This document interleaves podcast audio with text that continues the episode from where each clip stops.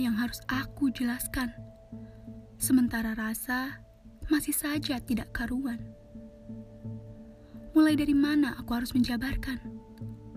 Karena sejujurnya, setiap ingatan selalu saja dia yang ada di dalam pikiran. Ya, aku bertemu dengannya di persimpangan yang aku lihat semua saat itu gelap. Dibalut rasa sepi, rasa takut, dan khawatir pada saat itu.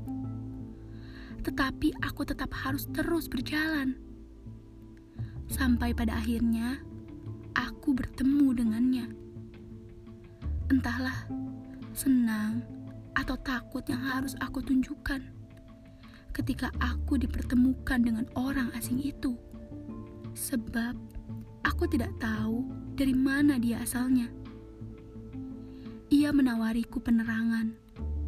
Dia bilang, "Jangan takut, aku berniat baik. Aku punya dua penerangan. Baiklah, satu untukmu dan satu untukku. Ke mana kamu pulang? Tenang, jangan berpikir negatif tentang niatku. Tidak semua orang asing itu jahat. Aku buktikan itu dan kamu pun harus percaya itu.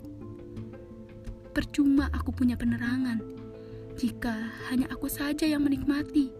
Sementara aku lihat di seberang sana ada orang yang sedang mencari. Kemarilah, ikuti cahaya bersamaku. Setidaknya aku dan peneranganku bisa membantumu untuk menemukan jalan pulang.